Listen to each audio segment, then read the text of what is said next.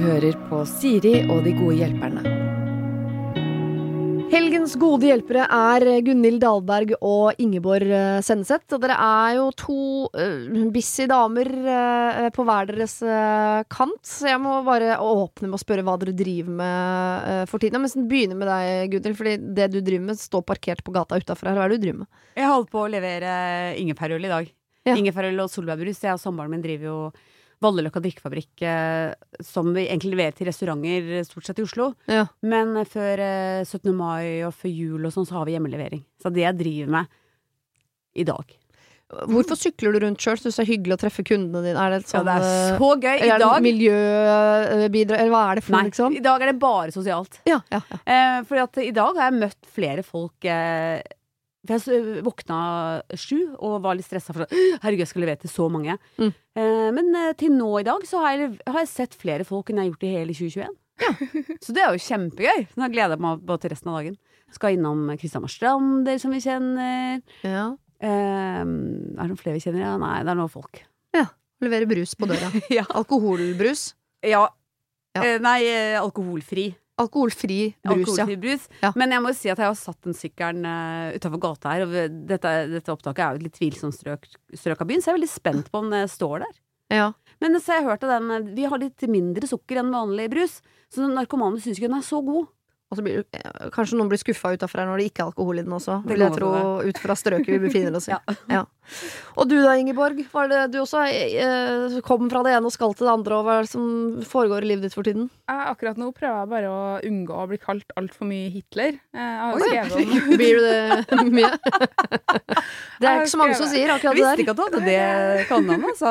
Nazi-Ingeborg. Det Ja, det, det er litt der akkurat nå, men det er på grunn av at jeg, eh, jeg har skrevet om vaksiner igjen. Ja. eh, Og vaksinemotstandere. Og i helga gikk jeg nok ganske hardt ut med en ganske direkte appell til Kari og Svein og andre som vi kjenner. Mm. Um, og jeg sa jo også det at de samme folkene som er imot vaksiner, de stiller jo opp foran eh, Stortinget og demonstrerer sammen med folk som er holocaust-fornektere, eller som er litt sånn, ja, har ganske tvilsomme forbindelser, da. Uh, og det har da av en eller annen grunn blitt trukket sammen til at jeg er både mot eh, Hitler eh, og for Hitler, fordi at vaksiner er litt det samme som å prøve å utrydde folk. Så det er en ganske okay. interessant situasjon å sitte i, da. Men, Ja, ja. men sånn, altså, det her er unntakene. Så du har hele vaksinemotstandsbevegelsen mot deg, på mange måter. Eh, ja, men det har jeg hatt i ganske mange år. Ja. Eh, så det er jeg jo for så vidt vant til, til en viss grad. Mm. Eh, men eh, jeg syns jo ikke det er noe gøy. Eh, jeg syns jo, jo at det er dumt å være opptatt av at for eksempel at små barn ikke skal bli syke og dø, mm. og da bli kalt en landssviker. Men, eh, Det er litt men deilig å tenke på at eh, hvis det skulle gå riktig gale, så er det de som dør først. Syns du det er litt deilig å tenke på? det har jeg ingen kommentar til. Det skal få slippe. Unnskyld, Eh, jeg lo litt nå. Altså, jeg kanskje lo litt sånn, eh, med litt sånn fryktelatter også. For jeg tenker det er jo veldig drøyt å bli kalt eh, barnemorder og Absolutt. nazist. eh, Fordi man eh, syns at folk skal vaksinere seg. Ja, det er ikke, jeg syns ikke det er kjempegøy. For at jeg, sånn, selv om jeg prøver å stå opp for det jeg mener, og, og er en veldig offentlig person, så er jeg egentlig ikke spesielt glad i oppmerksomhet, eh, og er veldig konfliktsky. Så Ja. at jeg, jeg har veldig tynn hud, da, så jeg blir, jeg blir jo lei meg. På Ja. Mm. Eh, og det prøver jeg jo ikke vise så veldig utad. Samtidig som jeg tenker at det er bra at man vet at for å være i offentligheten, så trenger ikke å være verdens tøffeste og sterkeste, men du trenger å ha eh, grunnlag for det du mener, da.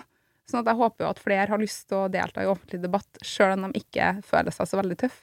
For det gjør nå i hvert fall ikke jeg. Det er supertøft av deg å tørre å stå i eh, offentlig debatten i Norge. Jeg har sjøl begitt meg utpå et par ganger med noen kronikker. Får jo innboksen full av eh, muslimelsker Mm. og fittetryne.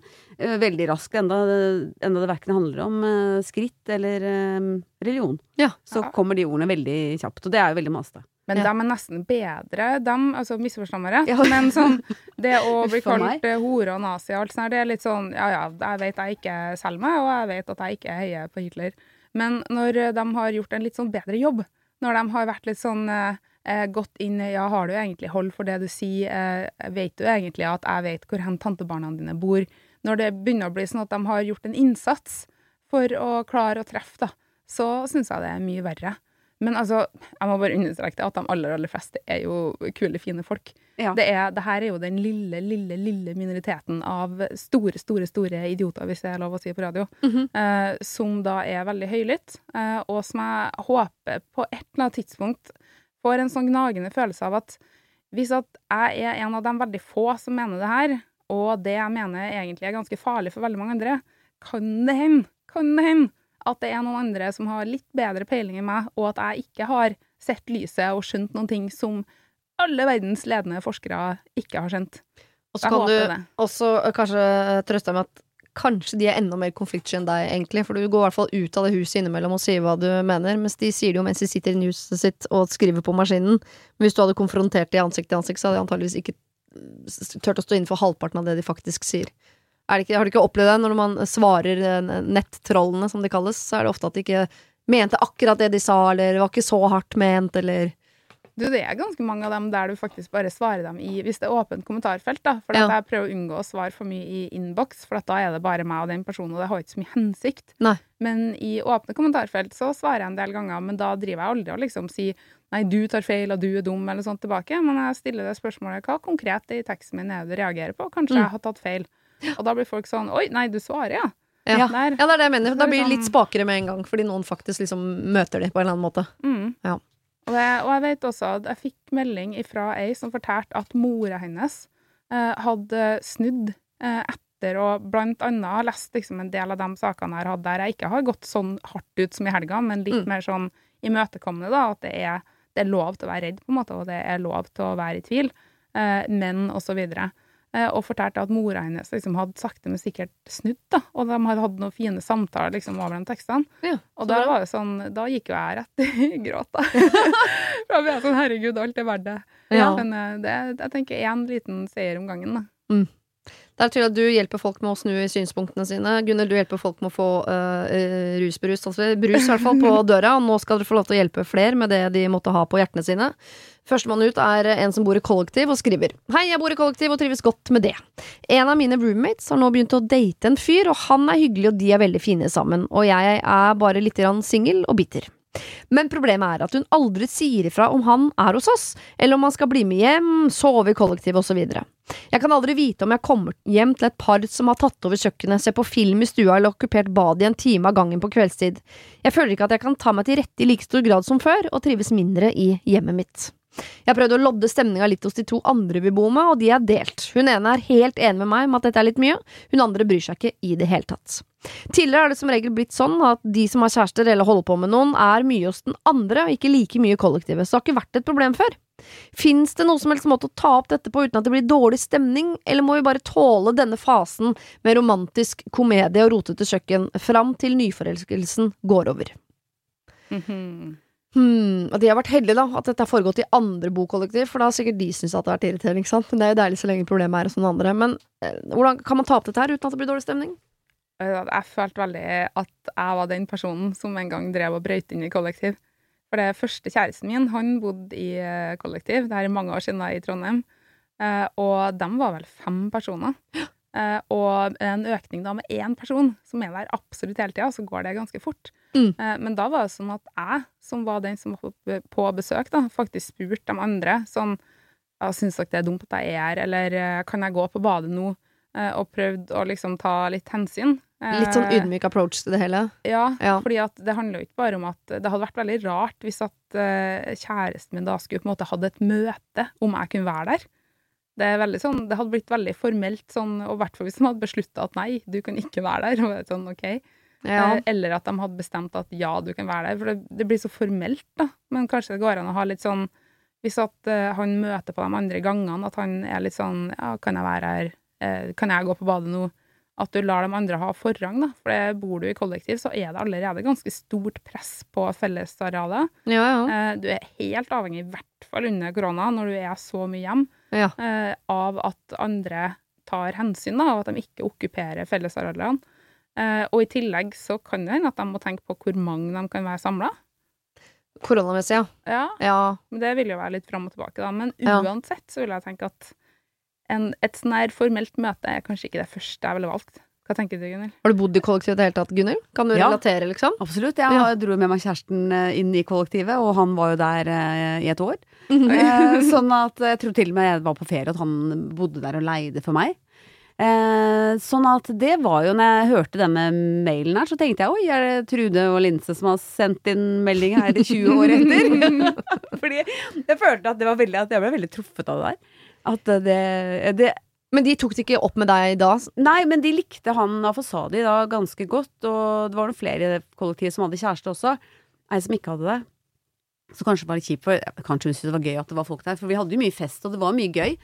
Men um, Nei, det er jo litt det, Jeg skjønner jo at Jeg kjenner meg litt igjen i hun som skriver inn, faktisk, for at nå har jo barna mine blitt så store at de har begynt å ha med folk hjem. Ja. Og da kommer det rennende med folk inn hele tida. Mhm. eh, og ringer på inn og ut og skal ha mat og Så det blir jo liksom fors forskyvelse i det som man egentlig har etablert. Mm. Jeg og Christian og to barn. Eller jeg og Linse og Trude i det kollektivet, og så plutselig kommer to kjærester inn. Og da blir det jo alltid litt eh, Ikke nødvendigvis, men det kan i hvert fall fort bli sånn at noen blir usikre på hvor, hvor er vi hen nå? Eh, Hvem, hva er min rolle her? Mm. Um, men jeg, jeg er ikke sikker på om jeg hadde turt å si sånn det, Kan jeg være her nå? For jeg tenker, i hvert fall som når jeg er blitt voksen nå, at folk er veldig konfliktsky. Så de sier sånn Ja, det er greit at du er her, Ingeborg. Og så når du går, så bare Å, fy faen, jeg er så jævlig lei ukjerringa av?» sånn. sånn at jeg tror kanskje jeg hadde fått kjæresten min til å eh, tone ned. Eller spørre. At de, de som bor i kollektivet, hun- til hun som har skrevet inn, de må snakke sammen. Ja, for husk nå at det er ikke, det er ikke hun uh, Altså, det er de andre rundt som har problemer nå, så vi kan ikke hjelpe for mye hun uh, det kjæresteparet som ligger på sofaen, ikke Nei. aner at de andre har skrevet inn, for de, de snakker vi på en måte ikke til. Nå snakker vi jo til de som lurer på om de kan ta opp med dette kjæresteparet at jeg trenger å vite på forhånd når dere er her. Så Skal dere være her i dag, eller Fordi det er kleint å komme hjem, og så ligger det sånn nyforelska par på sofaen. Jeg syns det er litt mye å forvente at de skal si fra på for, At de skal ringe rundt og si sånn I dag kommer jeg til å ha med kjæresten min hjem, for hun bor der, hun òg, Det må hun få lov til. Men Man nå- kan jo ikke ha sånn push-varselsystem. Det blir jo Nei. litt maste, det også. Men jeg skjønner jo at de som syns det er eh, Ser på han nye kjæresten som en slags intruder. Ja. At det er litt masete at han er på kjøkkenet hele tida. Tar sikkert litt av maten, eller kanskje har sånn smør brødsmulere i smøret. Ikke sett inn eh, glass i opp, så blir det dritmasse ting å irritere seg over. Mer hår i sluket. Altså det er masse greier her. Ja, Så de burde jo ta det Snakke om det nå, da. De to som er i ferd med å surne her, de Mm. må liste seg litt innpå hun nyforelska. Og det er et veldig bra tidspunkt å ta det opp også, for hun er forelska veldig gulla, antageligvis. ja. Så nå kan de liste seg litt innpå der. Så ta det opp med hun som bor der, ikke med kjæresten til hun som bor der, eller eventuelt begge. Ja, jeg ville godt Jeg vil at de to som er i ferd med å bli irritert, ta det forsiktig opp med hun nyforelska. Ikke blande inn typen. Men der hadde du, Ingeborg, kanskje en annen Tenker du heller, For du? du vil synes det var kleint at det møtet fant sted, at du fikk vite om det via typen etterpå sånn. Nå har vi hatt møte om deg, vi. Syns det er litt problematisk at du er Ja, man trenger ikke ha sånn nebbete, nebbete holdning. Selv om jeg i dag er på Jeg fikk mensen i dag, så jeg er veldig for konfronterende stil. Med hornene ute og pisk og klaskebil i, i, i bordet, for jeg er dritforbanna. Men eh, jeg må prøve å ta to steg til siden her, og snakke litt mer diplomatisk, da. Ja, jeg tror at man kanskje kan gjøre det litt mer generelt, da. For hvis at man har altså, Alle kollektiv bør jo ha skikkelige husordensregler. Ja, vi, Mm. der Det er Og hvis du, starter, hvis du starter der og sier at du, jeg lurer på om vi, om vi skulle ha gått gjennom de reglene. Eh, det har ikke noe sånn spesielt med han å gjøre, eh, men det blir jo aktuelt da. Nå Altså, han blir bare et punkt på agendaen, liksom. For vi skal også gjennom det der med vask og alle de andre tingene. Og så kommer vi jo til det der med kjærester. Hva gjør vi der? Ja, sånn generelt da. Ja, hvis Ja. en av oss får oss kjæreste, sånn som du har gjort nå, det er kjempehyggelig, men eh, hvordan gjør vi det da med fellesarealer? For vi leier jo egentlig rommene våre, og så skal vi dele på fellesen. Mm. Eh, hvordan gjør vi det hvis det er noen som er der ofte? Bør de kanskje kjøpe noe ekstra ting? Skal Mm. de bidra inn i sånne ting som strøm, eksempel? Hvis han bruker kjøkkenet der hele tida, så teller jo kanskje det litt. Ja. Eh, og så gå gjennom sånne ting og gjør det ganske klart at det har jo en del ulemper med å ha en ekstra person der. Absolutt. Men at det kan gå greit hvis at den personen kompenserer. Eh, Men også sånn at de skjønner at det her må gå begge veiene. fordi at hvis de nå er hva var de, tre eller fire i det kollektivet, Fire. Og hvis at alle da får seg kjæreste, hvordan gjør vi det da? Mm. Sånn at man tar en sånn åpning, da. For da kan jo hende at uh, kjærestejenta der tenker å shit, vil jeg egentlig at uh, de fire karene, eller jentene, det kan, det kan være alle mulige kjønn på kjærester selvfølgelig, uh, skal krangle om sofaen akkurat samtidig, mens Mm. vi fire andre er der også. at man tar en litt sånn generell ting, da. Sette opp husordensregler. Og der er det jo ganske greit ofte at det er sånn ro etter elleve, ikke bruk badet så og så lenge, osv. Ja. og hvis det kjæresteparet klarer å gjøre det med to og to absolutt hele tida, de må jo bare ja, være litt tidlig på og dele veldig på ting, da, så burde jo det kunne gå bra.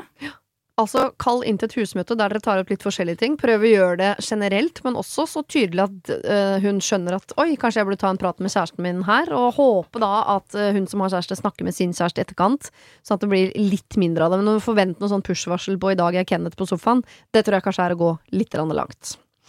Vi skal over til et uh, litt søtt problem, egentlig. Uh, her er det en mor som skriver inn. Hei, jeg har et problem. Jeg har tre skjønne små barn som jeg er veldig glad i. Bare la det være sagt. Eldstemann på seks år har fått seg en ny hobby plystring. Hun plystrer fra hun våkner øh, og ligger i senga, ved frokostbordet, til og fra barnehagen, middag, kvelds og når hun legger seg på kvelden. Og det er jo sånn sett en koselig greie, og jeg vet det går over som alt annet, men altså, jeg holder på å klikke. Det er en blanding av mye utpust og litt skjærende lyder som kom kommer ut. Jeg vil ikke være den kjipe mora som sier du må slutte å plystre, men det må jo være grenser. Jeg prøver stadig å avlede, finne på gøye ting, holde lange samtaler, men hun plystrer uansett hver gang hun har pusterom. Så hva gjør jeg? Kall oss hva dere vil, og takk på forhånd for god hjelp. Dette er jo i rekken av ting som barn gjør som egentlig er søtt, og som vi sikkert kommer til å kose oss med minnene av om mange år, men som der og da i en hektisk hverdag kan være irriterende. Som plystring. Ja, Herregud, men det her er jo verdens fineste problem, da. Ja. Men alle dem som har en seksåring som, eh, som eh, er ja, som er sjuk, eller har en seksåring som eh, har kanskje en autismediagnose, da, sånn at du ikke får kontakt med det barnet, Mm. og strever med å få noen kontakt overhodet. Eller dem som har en seksåring du ikke får treffe fordi at dere har gått ifra hverandre som foreldre. Ja. Altså Det å ha en seksåring som irriterer deg, er jo den største gaven du kan ha, for da er det jo noen som er så tett innpå deg at de faktisk rekker det. Ja. Og ja, jeg skjønner, jeg skjønner at det kan være et problem, og nå har jo ikke jeg unger, sånn at det, det kan hende at det er litt verre enn hva jeg tenker. Noen ganger så kan det være greit å zoome ut og se det i et større perspektiv, og da blir jo en del sånne problemer som man har egentlig eh, eh, minimert til sutring eller andre har det verre osv., men når man er i situasjonen og er irritert, så, så er det jo uansett irriterende selv om noen andre har det verre. Ja, Sånn er det jo alltid med alle problemer. Ja, jeg skulle jo til å foreslå Mitt beste tips nå er dra på Claes Olsson. Gå på, de har faktisk gaffateip til 39,90. Jeg var der på lørdag. Ikke til barnet mitt, det tok jeg på sykkelen, da. Ja. Men uh, nå tenkte jeg det kan eh, gaffes igjen, den truten. Var det første jeg tenkte. Å ja, gaffe eh, igjen uh, plystremunnen, ja. Ja, men Ja. som jeg sa, jeg er på dag én her i syklus, så er det veldig sånne konkrete, harde løsninger.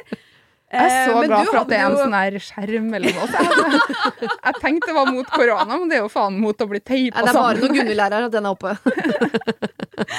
Men når du snakka så tenkte jeg å herregud, så heldig du er som har sånn perspektiv på at, eh, at man Å, det er jo en fin ting å irritere seg over. Jeg bare gikk rett i sånn gaffa. Jeg skjønte den mora veldig godt, for jeg har jo barn som lærer seg å plystre, jeg også. Og det kan jo bare jeg, Men jeg er ikke noe redd for å være sånn irriterende mor. Jeg sier jo sånn Kan du holde opp å plystre nå? Det var litt masete å høre på. Kan du gå på rommet ditt og plystre? Kan du sette på musikken og plystre til Kaptein Sabeltann der inne?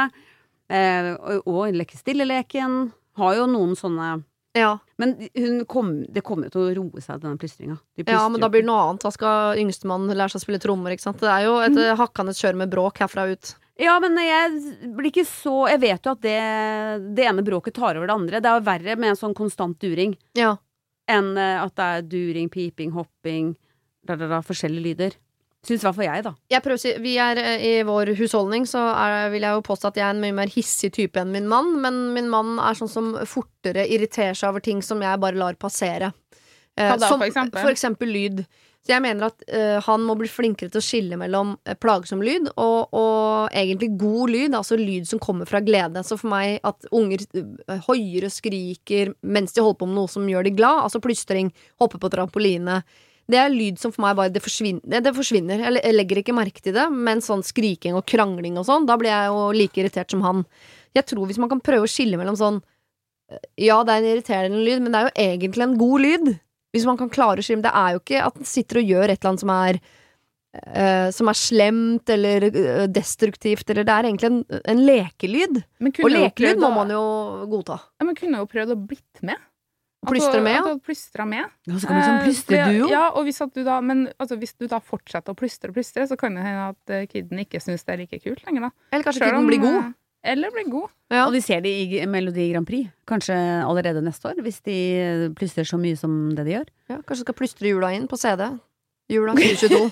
For eksempel få med Tone Damli på, på kor der, så har vi en suksess. Der har vi noe. Det Ja. har er sånn man blir av å ha barn. At man tror at ungdom bare kan bli melodi. Men jeg syns det kan være lurt også å si fra sånn For det er klart, det er ikke alltid det passer. Jeg sier også til barna mine sånn Akkurat Akkurat når hodet til mamma er litt fullt, så nå er det ikke plass til fine ting heller. Så nå er det fint om eh, alle holder fullstendig munn, eller går et annet sted. Og Det det, må du jo ting, forstå, Ja. tenker jeg. Jeg er enig, jeg skjønner at eh, For at jeg har også, hvis barna mine irriterer meg med sånn uh, uling og fjollelyder, så er det jo som regel mitt indre stress som uh, jeg lar gå utover de. Mm. Mm, og da får man jo fort litt dårlig samvittighet, da, hvis man har uh, ropt. Da Eller jeg gaffa igjen truten på de Ja, jeg har ikke gaffa igjen truten på barna mine, herregud. Jeg fikk høre av en psykolog også som sa i sånne situasjoner så bør du faktisk eh, Og det høres ut som et sånn tullete uttrykk, gå og ta deg en bolle. Men da må du si sånn Nå trenger mamma fem minutter.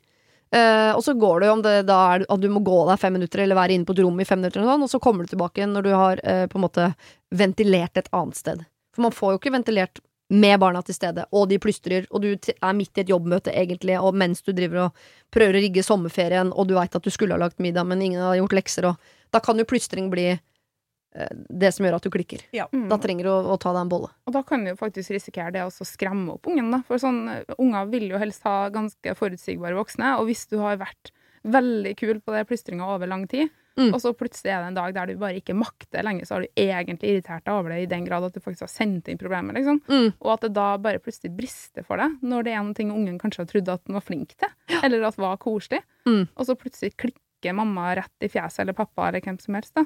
Så tipper jeg at ungen der kan bli ganske sånn, hva er det her, og bli utrygg og synes at det er uforutsigbart. Sånn at jeg tror det er lurt å ta det litt i forkant. Mm. En sånn mor er jeg, og jeg angrer hver eneste dag. Åh. Sånn, jeg holder ut, holder ut, holder ut. Later som jeg er sånn lekemamma, sånn blid og god mamma, så klikker jeg. det er ikke meningen å le av det.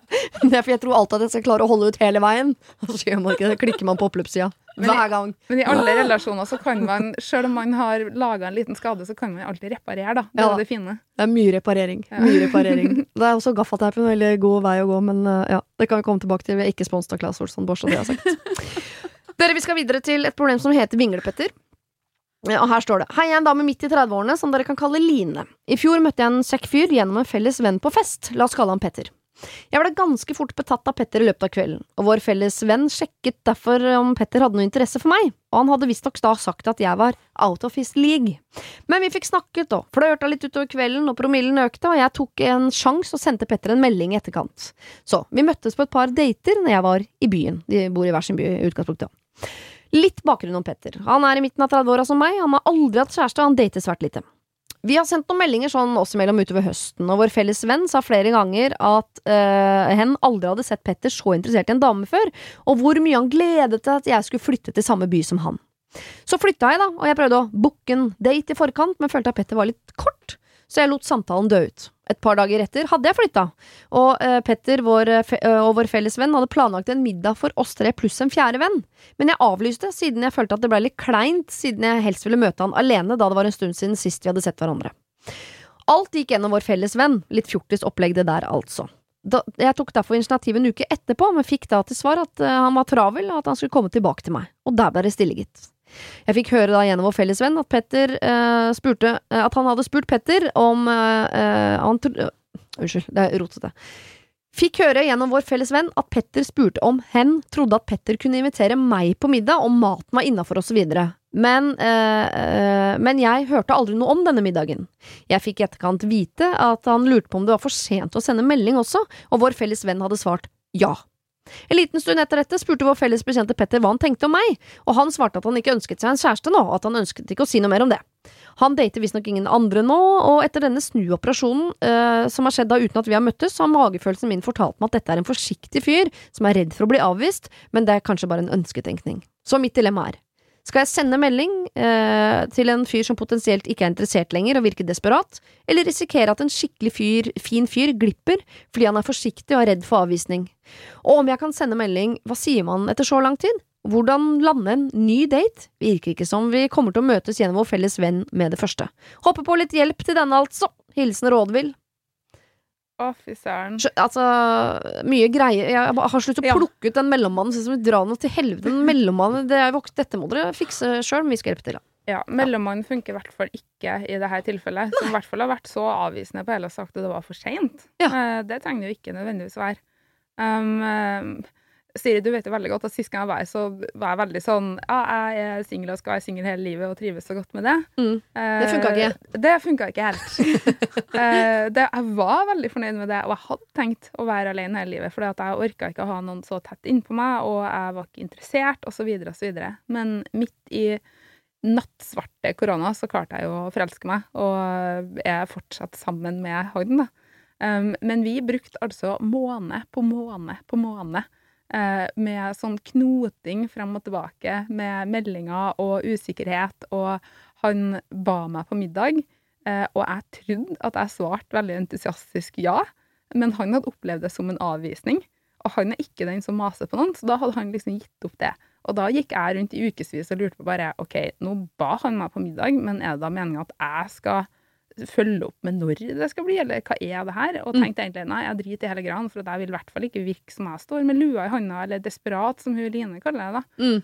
Eh, Men bestemte meg til slutt for at vet du hva, nå har jeg, nå har jeg investert månedsvis i å være så interessert i noen. Jeg har en magefølelse som sier at her er det noe helt annet enn noe jeg har møtt i hele mitt liv. Og vi hadde ikke engang møttes, da. Vi bare chatta. og skrev til slutt en melding til han og sa det at du, eh, du spurte jo om vi skulle på middag, eh, og jeg lurer bare på om, det, om du har ombestemt deg, og det er helt greit, men jeg må nesten bare vite Ja. hva du egentlig tenker. Og det sendte du til han? Ja, og Ja. det er det sjukeste jeg har gjort, for jeg gjør aldri sånne der ting. Jeg ville helst bare liksom bare ja, drit det her og hoppe over, men det var bare det at det var noe helt annet. Uh, og jeg tenkte bare at jeg kan ikke Skal jeg virkelig la liksom min sånn stolthet gå foran det som er bare en sånn Det er bare sånn her Jeg vet at det er noen ting. Eh, og, og han svarer jo da med å le skikkelig og si bare 'hæ, jeg trodde du ikke er interessert'. Og så knota vi bare et par måneder til da, før vi klarte å faktisk møtes. Eh, og da visste jo begge to han da vi så hverandre i det øyeblikket, liksom, at faen, det her er this is it. Ja. Eh, og det var, det var sånn Det er helt forferdelig å si, men det var kjærlighet ved første blikk. Men da hadde vi jo chatta i måned på måned på måned. Og det at hun sier at det har gått for lang tid uh, Hva er lang tid, egentlig? Eh, Herregud, for en historie du Han- hadde for privaten. da. Ja, ja, ja. Det var ja, helt- det er helt Men hvor, hvor, hvor, Hvordan turte du å sende han den meldingen? Hun er jo veldig tøff når det kommer til å trykke på send. Ja. Send-knappen, der er du veldig tøff. Når det er folk som kaller meg Hitler, kanskje. ja. Men- Skrive noe og trykke på send. Der er jo du fra en annen planet enn folk flest. Der er du ordentlig, ordentlig god, så det kommer ikke som en overraskelse her. Men, det jo bra ikke i det det. hele tatt når det gjelder ting med følelser. Ikke med, ikke med venner heller. Der er jeg veldig sånn, jeg lurer på hva de tenker. Nei, jeg lurer på om de er sinte på meg, jeg lurer på om de syns at jeg er dum. Jeg syns det er veldig veldig vanskelig å slippe noen som helst inn på meg, men jeg har øvd mye på det de siste årene. da. Og i den grad at jeg nå faktisk har tørsa å få kjæreste, som jo er det sykeste i verden. Um, men det, hvis hun sender han en melding, så går det an på en måte ikke sende hele det brevet hun skrev hit, men å si det som faktisk er sant, da. Eh, på samme måte som at jeg skrev da at du, jeg, jeg må faktisk bare vite Ja. eh, om du har ombestemt deg. Eh, Mm. Og at det er helt fair om du ikke har lyst, men jeg har skikkelig lyst. Og da svarte jo han, som sagt, da bare med å liksom flire og sa at du, jeg trodde at du sa nei. Og så sier han det at jeg vet ikke at jeg er ikke den som maser. Eh, Jeg er jævlig forsiktig når jeg ikke kjenner folk noe godt. Eh, Og da sa jeg at det er jeg òg. Og vi bare ha-ha, da er det ikke rart at vi ikke klarer å få til noe som helst. Og det er sånn, vi, vi er begge to veldig tilbakeholden, men vi klarte gjennom da å snakke om at vi er tilbakeholden, og faktisk eh, få knota sammen et forhold ut av det. Og klarer jo fortsatt det, selv om det ikke er så veldig enkelt. Så når hun her spør skal jeg sende en melding til en fyr som potensielt ikke er interessert lenger, og virke desperat, så er jo det korte svaret på det er jo øh, ja. Ikke virk desperat i meldingen, men det er klart du skal sende en, øh, en melding. Ja, og ikke, Om han ikke er interessert lenger, så, så sier vel han antageligvis det, da, eller klarer å komme seg ut av situasjonen på en eller annen måte. Ja, hvis jeg skulle formulert den meldinga, da, eh, så ville jeg ikke skrive liksom ha-ha, vil ikke virke desperat. Drit i alle de der vær kul-tingene og alt sånt her. Og tenk bare at nå skal jeg bare si det sånn som det er. Eh, Stille og rolig sånn. Du, jeg klarer ikke å slutte å tenke på eh, at vi kanskje, kanskje, kanskje burde ha tatt den middagen. Mm. Eh, men det er helt greit hvis du ikke vil. Men da kan du godt si det nå. Men hvis du er keen, så er jeg keen. Kan, Ja. vi, kan vi bare prøve? Helt uformelt, liksom. Skulle ikke vi spise middag sammen? Vært, jeg synes, tenker fortsatt at det hadde vært hyggelig. Ja. Trenger ikke å være noe mer enn det. Hadde du Nei. turt, Gunnhild? Jeg, jeg, jeg, jeg ble liksom revet med av den, din historie, egentlig. Men når du leste den her, Ja. eh, hele den historien, Siri, så tenkte jeg i herrens navn, dropp han fyren. Kom deg videre i livet. Ja. Det fins masse bra fyrer der ute. Ikke, jeg trenger ikke å somle bort på sånne treige folk. For at hvis gutter er dritinteressert, så hopper de på Men så kom hun til siste, hvor hun sa skal jeg la en potensielt mann i mitt liv Oi, unnskyld. forsvinne ut av lufta? Eller skal jeg prøve en siste gang? Det var da jeg tenkte Ja, ja. oh shit. Ja, kanskje hun skal prøve en siste gang. Og da tenkte da er jeg bare å legge all stolthet til side. Bare drit i det. Det er helt oppriktig, ærlig. Og det er lov å være keen på folk. Og man skal ikke føle Hvis man blir avvist, så bare drit i det. Da, da er det i hvert fall 100 andre du kan velge mellom. Søknadsfristen i Jakten på kjærligheten er forresten på fredag. Men jeg er så sinnssykt lei av at ting skal gå så innmari fort. da. Ja. Sånn her, hvorfor skal vi ha den der Tinder-farta som har vært tidligere? Nå har det heldigvis blitt litt sånn roende. Til og med Tinder har sagt at folk chatter litt lenger enn før pga. at de ikke kan møtes med en gang.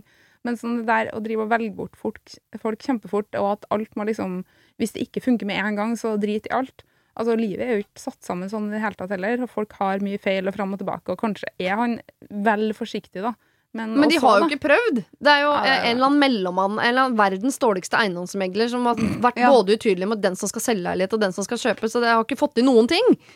Kutt ut og tenke at Du og Petter må jo snakke sammen. Ja. Kan, det, grunnen til at dette har eh, kokt bort i kål, er fordi dere har hatt han i midten der, eller hen i midten, som har drevet og sagt sånn Nei, det er for seint å sende meldinger, og prøvd å invitere Altså, Ja. bare vært surr, men de to har jo ikke egentlig liksom gitt et realt forsøk.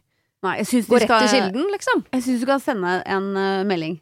Ja. Og ha litt uh, ha, ha forhåpninger, men litt lave skuldre også. Du kan bli avvist, men da er det bare å drite i det, og vi heier på henne. Og det er jo beste i verden er jo også hvis at Eller det nest beste. Er hvis at hun da blir avvist, og da kan gå videre og ikke tenke så veldig mye mer på det, men å la det ligge, da. For da var ikke det noen ting som var meninga at skulle skje. Og da får du plutselig plass til andre. Mm. Ja. Ja, for, for nå ligger hun og vaker på en sånn der Ja. eh, usikker 30% Hun må liksom inn 100 eller ut 100. Mm. Ja, send en melding. Det er ikke å være desperat. Det er jo å gi det et forsøk. Det må være lov i særligheten. Hvis ikke man prøver, så får man jo uh, ingenting. Og det kan godt ta litt tid. Det går fint. Det betyr ikke at ikke det kan være helt fantastisk vakkert i andre enden. Til uh, Apropos vakkert, her er det en som syns at kona si er veldig vakker. Hun syns ikke det selv. Mm. Dere kan kalle meg Frank. Jeg er en mann tidlig i 40-åra som er gift med en jevngammel dame på åttende året. I mine øyne er hun fantastisk, men i hennes øyne er hun full av feil, og det hjelper eh, litt, men ikke nok, at jeg forteller henne hvor vakker jeg syns hun er, så ofte jeg kan. Jeg har etter hvert slått meg til ro med at hun nok aldri blir helt fornøyd med kropp og utseende, og det er ikke en stor greie i våre liv, større i hennes antagelig, men til tross for utallige skippertak, kurer og nye mål, så ser hun ganske like ut nå som da jeg traff henne for tolv år siden. Jeg legger meg ikke borti alle prosjektene hennes. Jeg har lært at for mye motivasjon kan være støtende, for lite likeså. Så jeg forholder meg ganske nøytral, litt på avstand kanskje, og roser henne heller litt forsiktig for noe annet litt senere. Men de siste åra har hun etter hvert begynt å bruke mye penger på utseendet. Altså hudpleie, Botox, vipper, negler, små operasjoner osv. Noe hun fortsatt i mine øyne da ikke trenger, men hun sier at det er viktig for henne. Hun får holde på, tenker jeg. Men vi har ikke så mye penger, og jeg tenker at hvis hun først vil endre sitt utseende, så er det vel bedre for vår fellesøkonomi at hun går seg en tur eller noe, enn at hun legger seg under kniven. Har jeg noe jeg skulle sagt her? Det er våre penger, Frank. Herregud. Oi, oi, oi. Stakkars Frank og, og henne. Ja. Eh, disse, disse fikk jeg skikkelig vondt av, faktisk. Fordi at på den ene siden så tenker jeg det må være fælt å være så opptatt av eh, utseendet sitt at man må ta operasjoner og, og Eller man, ikke bare man tar operasjoner, men man blir, at man blir helt opphengt i det og på en måte ikke klarer å slippe det. Mm. Og så prøver han Frank å være rosende og, eh, og ser, henne, ser hennes problemer, men ikke kommer igjennom. Unnskyld meg. Så dette her jeg var veldig kjipt, rett og slett. Han Ja. gjør jo egentlig alt riktig og er en fin fyr, men Ja. når ikke inn til henne, fordi problemet ligger jo hos henne. Hva, Hennes ja.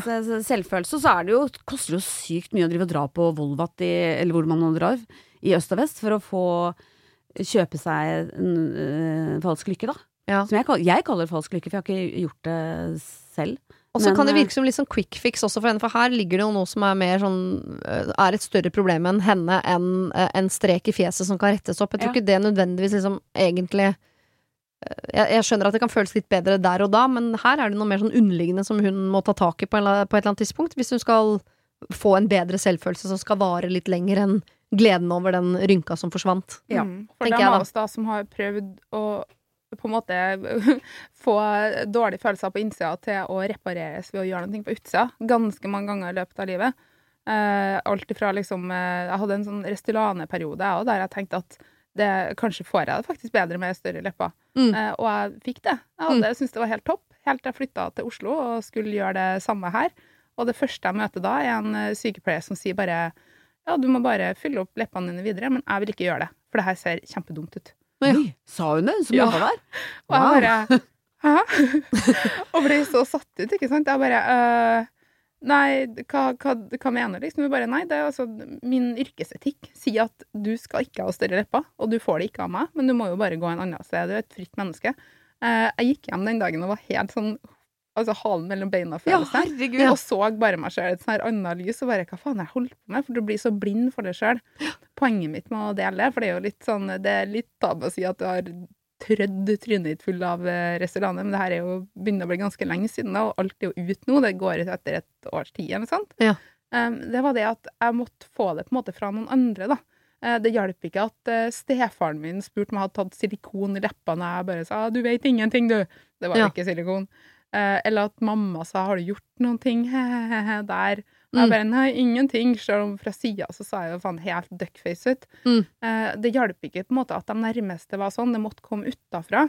Eh, kanskje er det noen utafra hun trenger å prate med, for at det her, det går jo ikke på, på en måte, om det er ei linje i ansiktet, det går ikke på om du har litt ekstra fett på rumpa, det går ikke på om du har for små pupper osv. Det handler om et eller annet grunnleggende i deg sjøl, så kanskje, kanskje burde hun ha prata med noen som er utafor dem, og da ikke en person som Altså, All ære til den sykepleieren som sa at hun ikke ville ha sett uh, restauranter på meg, men de fleste i den bransjen der, de tjener godt på folk sin usikkerhet. Ja. For deres del så er det helt topp at folk ikke har det bra. Så de vil jo kunne si sånne ting som at ja, nei, du er jo en fantastisk flott dame, men det er klart at vi kan hjelpe deg litt med den rumpa di. Mm. Eh, og ja, du har jo Jeg skjønner jo hva du mener. Så altså, de legger sånne små Og du er fantastisk, her. og det tror jeg kommer enda mer til sin rette Nettopp. hvis du bare får litt større lepper. Ja, og Ja. det er sånn, for deres del så er det jo altså, Samfunnet er jo lagt opp til at de skal tjene på at folk har det jævlig. Eh, Det er derfor det finnes alle mulige kurer som ikke funker. Fordi at da får de jo folk til å komme tilbake til en ny kur, ikke sant. Mm. Det er sånn, Du kommer aldri i mål med prosjekt 'reparer deg sjøl utvendig' for å få det bedre innvendig. Du Men kommer ikke i mål. Frank sin eh, inngang til dette nå, for han har på en måte egentlig eh, lagt det fra seg at han, skal klare, at han skal klare å fikse dette, at ved å rose henne så skal hun få det bra og sånn. Men så kommer han til dette med det er jo våre penger hun bruker på Mm. å, å fikse ting som jeg mener hun ikke trenger, og som jo jeg, han også ser at det gjør det jo ikke egentlig bedre for henne heller, og det er våre penger. Er det noe han kan gå inn og si til henne som ikke er øh, det er, betent, det er minefelt, altså, Ja, men eh, kan man si liksom nå Ok, du kan godt få bruke en del av våre penger på å få det bedre, men da vil jeg heller at du går til psykolog enn til kirurg. Ja, kanskje kan ja. foreslå, men det er ikke nødvendigvis eh, psykolog, men at de kan gå De kunne jo eventuelt gått til en samtale sammen, da. Ja. For altså, det kan jo hende at det er et eller annet som ikke er perfekt ved Frank Helle, selv om han skriver til oss at han er verdens snilleste mann som roser henne masse. Eh, så kan det hende at han f.eks. bruker mye penger på noe, eller kanskje Kanskje han som trenger operasjon. Ja, men kanskje har han et, et, et, eh, kjærlighetsspråk som hun ikke klarer å lese helt, da, sånn at hun fortsatt eh, tenker at det ikke er bra nok, selv om han sier at hun er vakker. Ja. Når hun åpenbart ikke syns det, så går jo ikke det helt hjem. Men sånn, kanskje kunne de hatt en eh, samtalepartner sammen, eller kanskje kunne de gått gjennom budsjetter og sagt det at ja, hvis at du skal bruke 60 000 på en tummy eh, jeg er litt usikker på hva det koster egentlig, jeg vet ikke om hun skal det heller, da, eh, så vil jeg ha 60 000 til en skiferie med guttene. Ja. Og da må vi ha 120 000. Har vi det? Hvis Nei. de ikke har det, så må de starte et annet sted, da. Eh, Og ta det litt sånn konstruktivt. For at eh, hvis han går rundt og gnager på det her, så kommer jo det til å være en sånn liten giftig knott inn i eh, forholdet deres over tid, da. Og det er jeg i hvert fall ganske nervøs for sånne der ting. For at det her høres ut som noen som på en måte egentlig kunne hatt det veldig bra sammen. Mm. Men hvis hun svarer sånn ja, men det får meg til å føle meg bedre, og selvfølelsen min og ditt og datt, som, eh, som sikkert er reelt for henne, men eh, hvis de ikke har penger til det, eller Og det er kanskje ikke det er helt sant heller, han digga jo utseendet hennes. Eh, og det er da jeg tenker at da burde han ha en annen brekkstang, eller ha noe som ikke At ikke det er ikke et argument. Hvis de ikke har penger til det. Mm. Det er derfor jeg Eh, tenker at den penger kanskje er en fin vei inn, for det er en annen vei inn Ja. enn det som går på følelser. At det er mer sånn i praksis så, så går ikke dette som du driver med nå. mm. Så da må vi finne på noe annet. Ja. Og så ta diskusjonen derfra. Ja, og så kan, man, så kan man kanskje plante den debatten hos venninnene, for eksempel. Da. At Ja. de tar den. At du eh, Var det litt mye nå? Eller eh, sånn som du opplevde når du skulle, var på, i salongen og Ja, men det var ikke ei venninne. Det hadde vært mye vanskeligere, for da går man fort i forsvar. Hvis Ja. det er noen du faktisk har liksom et emosjonelt bånd til, da, Ja, så går du fort i forsvar istedenfor å kanskje ta til deg kritikken. ja. Og selvfølgelig så kan det hende at det var, litt, at det var et heldig tidspunkt.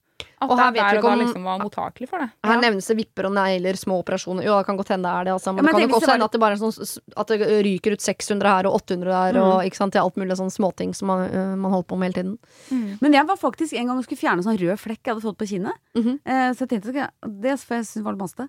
Og så var jeg i sånn hudsalong. Hun bare 'Jeg skjønner ikke hva du snakker om'. Jeg bare 'Her! Der!' Jeg bare 'Hæ? Jeg ser ingenting'. Der! Hun bare Det 'Jeg, jeg, eller? ser det ikke'. Nei. Så gikk jeg sånn luterygga, sånn sur. Jeg tenkte hun har dårlig syn, kan faen ikke jobbe sånn. Skjønner så mange ser ikke sånne røde flekker. Men eh, det, det hjalp jo veldig at hun var sånn Hallo, dette, dette trenger du ikke du det, Hun så det ikke engang. Men jeg tenkte at hvis venninnene også var eh, hvis, de, hvis de kunne være et tema Det har jo vært et tema når vi har vært eh, med venninner. Er det noen her som har lyst til å ta Botox? Er det noen her som har lyst til å operere når den tid kommer? Og hvis syv av eh, ti svarer blankt 'jeg kommer aldri til å gjøre det', så blir det jo en sånn sosial justis på at det gidder vi ikke. Men hvis alle tenker 'det gjør vi', så blir det sånn 'å ja'. Er det, å ja, alle skal det. Jeg trodde det bare var jeg som ikke skulle det. Ja. Så det går an å plante sånne temaer. Frank, du kan prøve å plante det, og du høres ut som du er veldig uh, søt og fin hele veien, men det når ikke helt uh, inn til henne, og det betyr ikke at du skal slutte med det, men kanskje du skal prøve en annen approach nå som er via det med pengene, og gjøre det helt sånn ned på Excel-arket og si sånn hvis du skal det, så må jeg dette, eller dette har vi ikke råd til, og så videre. Og heller kanskje da eh, bruke de pengene på noe annet, og se om det er noen andre som kan hjelpe henne med å få en bedre selvfølelse. Men du, Frank, tror jeg bare skal ta den økonomiveien inn i det. Ja, og det er, både du og jeg, Siri, har jo vært hos Cecilie i lomma på Silje Sandmæl. Ja. Og når man får regnestykket på løsnegl eller kaffe mokka, da, som er mitt, mitt oppheng, får det svart på hvitt, Mm. så får man jo litt bakover seg. Så mister jo litt eh, Er det verdt 16 000 på løsnegler? I hvert fall hvis du vet at du har eh, lån opp til pipa på Ja. huset. Men kanskje også holde fast ved det at også nevn det at og samme om vi hadde hatt en halv million i overskudd her nå, så er det fortsatt deg jeg er glad i, og jeg har lyst til å prøve å forstå hva er det du vil prøve å fikse ved utseendet ditt. For det er i Mm. hvert fall ikke hos meg, men hva er det hos deg som gjør det? Kan vi gå gjennom det sammen? Kan vi prøve å finne ut av det? Mm. For det tror jeg er mye mer presserende enn å liksom til tide at ja, vi har ikke den tusenlappen eller den tusenlappen. For det her handler jo tydeligvis om noe helt annet. Og det kan man også få inn i, i et Excel-regneark. Si sånn. Men hvis du tar disse postene her og slår de sammen, så kan du og jeg gå til en parterapi og snakke om ting. Kanskje det er der vi skal legge pengene våre istedenfor. Ja, Frank. Hvis det eh, Ikke gi opp. Absolutt ikke. Se om det er noen flere som kan hjelpe til, og prøv en annen tilnærming til det hele. Og kanskje det er faktisk via et Excel-ark i denne omgang. Har du et problem og trenger hjelp, ja, så sender du det til meg. Da bruker du Siri, alfakrøll, radionorge.no. For snart ett år siden flyttet jeg og familien min til et hus litt utenfor byen der vi er fra. Vi har to små barn og en hund og hadde behov for plass og plen. Vi fant det perfekte stedet, midt mellom hans foreldre og mine foreldre, og ikke langt fra venner eller jobb. Det er en liten gate her, med nesten like hus som perler på snor. Alle har likt gjerde, og vi deler postkassestativ. Begge ungene våre har fire–fem venner fra barnehage og skole i samme gate, og ja, det er som en idyllisk barnebok det hele. Bortsett fra. Det kan virke som om vi landet i et slags sort hull i denne idyllen. Våre to nærmeste naboer er tyranner. På den ene siden av huset har vi en som klager hver gang ungene er ute på trampolina. Og ja, det blir jo litt bråk, men jeg prøver å si at dette er uhyggelig bråk. Barn som leker har det gøy. Hun sier de eh, skriker, at hun får vondt i hodet av dem. På den andre siden bor det en mann med en hund som bjeffer noe så helt forferdelig når vår hund er ute i hagen. Altså, vår hund bjeffer ikke, men han mener at vi må holde vår hund inne eller bundet på den andre siden for at ikke det skal bli så mye støy dem imellom. Altså, støy! Kom igjen! Dette er en gate designet for familier med unger og bikkjer, og alt annet som bråker. Men vi føler oss jo litt dritt også, altså som sistemann inn i denne gata. Så hva gjør vi? Hilsen familien Grønn. Dæven. De føyer seg inn i en rekke av det mest kjente problemet omtrent på jord, da. Det er jo nabotrøbbel. Ja. Det, det er en av de årsakene til konflikt som er, som er størst i vanlige folk sine liv. er jo det at du ikke kommer overens med naboen din, eller at det er sånne små ting som gjør at du irriterer deg. da, Mm. Som blir veldig stor. Og det synes jeg er vanskelig i nabokonflikter. For hvis det er kjæresten din eller moren din eller en venn, så må man jo alltid liksom inngå noen uh, kompromiss. Møtes på midten og liksom uh, Men med en nabo så må man jo egentlig ikke det. For det, du vi, vi bare bor tilfeldigvis på stammested. Vi trenger vel egentlig ikke å forholde oss til hverandre i det hele tatt hvis ikke vi vil. Så jeg, for meg i hvert fall så sitter liksom kompromissene litt lenger inne når det blir en sånn såpass liksom ytre relasjon som en nabo er, da. Mm. Det er sånn, Nå bor jeg jo i blokk i Oslo, og da trenger du ikke å på en måte forholde deg så veldig til dem som er rundt deg. Det er jo noe helt annet når det er snakk om unger, sånn som de har, når de har hunder osv. Så, må du, du må forholde deg til folk, da. Ja. Eh, Så de kommer jo til på en eller annen måte til om å snakke med dem her. De snakker jo tydeligvis allerede med dem, bare at det er kjefting, da, og ikke egentlig samtale. Så går det an å på en måte få til noe litt mer sivilisert. Går å, går det an å smøre den samtalen her litt? Altså Går det an å, å, å gi noen komplimenter til den bråkete hunden og si bare liksom at hunden deres er så fin, men eh, det, hvordan, eh, hvordan lever du med at den bråker så mye? Nei, jeg vet ikke, det er kanskje dårlig gjort. For den hunden Jeg vet ikke hva jeg syns er vanskeligst. Er hun gamle dama på den ene siden som får vondt i hodet av barn som bråker, eller han andre som har en, en hund som faktisk bråker, men, men skylder på naboen? Ja, jeg tenkte Den, den er Hvis jeg tar en bikkja først, da. Mm. Først så tenkte jeg herregud, stakkars folk, tenkte jeg. Eh, de som bor i midten. Ja. Familien Grønn. Eh, så det hørtes ut bare rigga seg til så perfekt, og så bor det mellom to tyranner. Herre Jesus. Så dette her må vi jo bare komme oss ut, i felles, ut av i fellesskap. Den derre bikkja, eh, den, den kan de kanskje få orden på. Fordi da kan du kanskje invitere eh, Jeg kan ikke så mye om hunden, jeg har sett det på Men jeg har sett på NRK, hun Hundemaren. Hun har jo en del Få inn henne! Få inn henne. Og, og godbit. Da kan man gjøre hva som helst med hunden, når det virker som. Ifølge Hundemaren. Og hun er jo kjempeflink, hun er jo et av Norges mest populære mennesker. Så få inn Hundemaren, eller se på serien, og så får du noen tips. Og du kanskje kan invitere den bikkja over i hagen. Så de hundene kan bli venner, så de slutter å bjeffe på hverandre. Ja. Du har jo hund, har du ikke det? Jo. Er ikke det sånn hundene funker? At de bare blir, blir venner, og så en, Nummer to, hvis ikke det både hund og unger og mann og alt. Jeg har ikke lest en setning eller egentlig satt meg inn i det, hvordan det greiene fungerer. Nei, Det humper og går. Ja, Hvis du ikke har tid til å drive og psykologise, og liksom at de skal bli venner, gi godbit med gift. Ja! OK, jeg tar over litt her nå før eh, PMS, eh, Sara. Jeg har ikke PMS, jeg har mensen. Ah, ok, ja, det er ikke så mye bedre. Eh, Men det som er interessant her, er jo på en måte at de er jo forbanna på hans hund, mens andre naboen er forbanna på deres unger. Eh, Så det her er jo kanskje en inngang til å kunne prate med hun dama, det. Ja. Eh, Og si det at eh, du, jeg skjønner at du irriterer deg sånn, fordi at vi irriterer oss veldig over lyden til den hunden. Ja. Så da kanskje de kan få en inngang til å bli alliert med hun Ja. dama. Så da har de på en måte i hvert fall minimert problemet litt, da.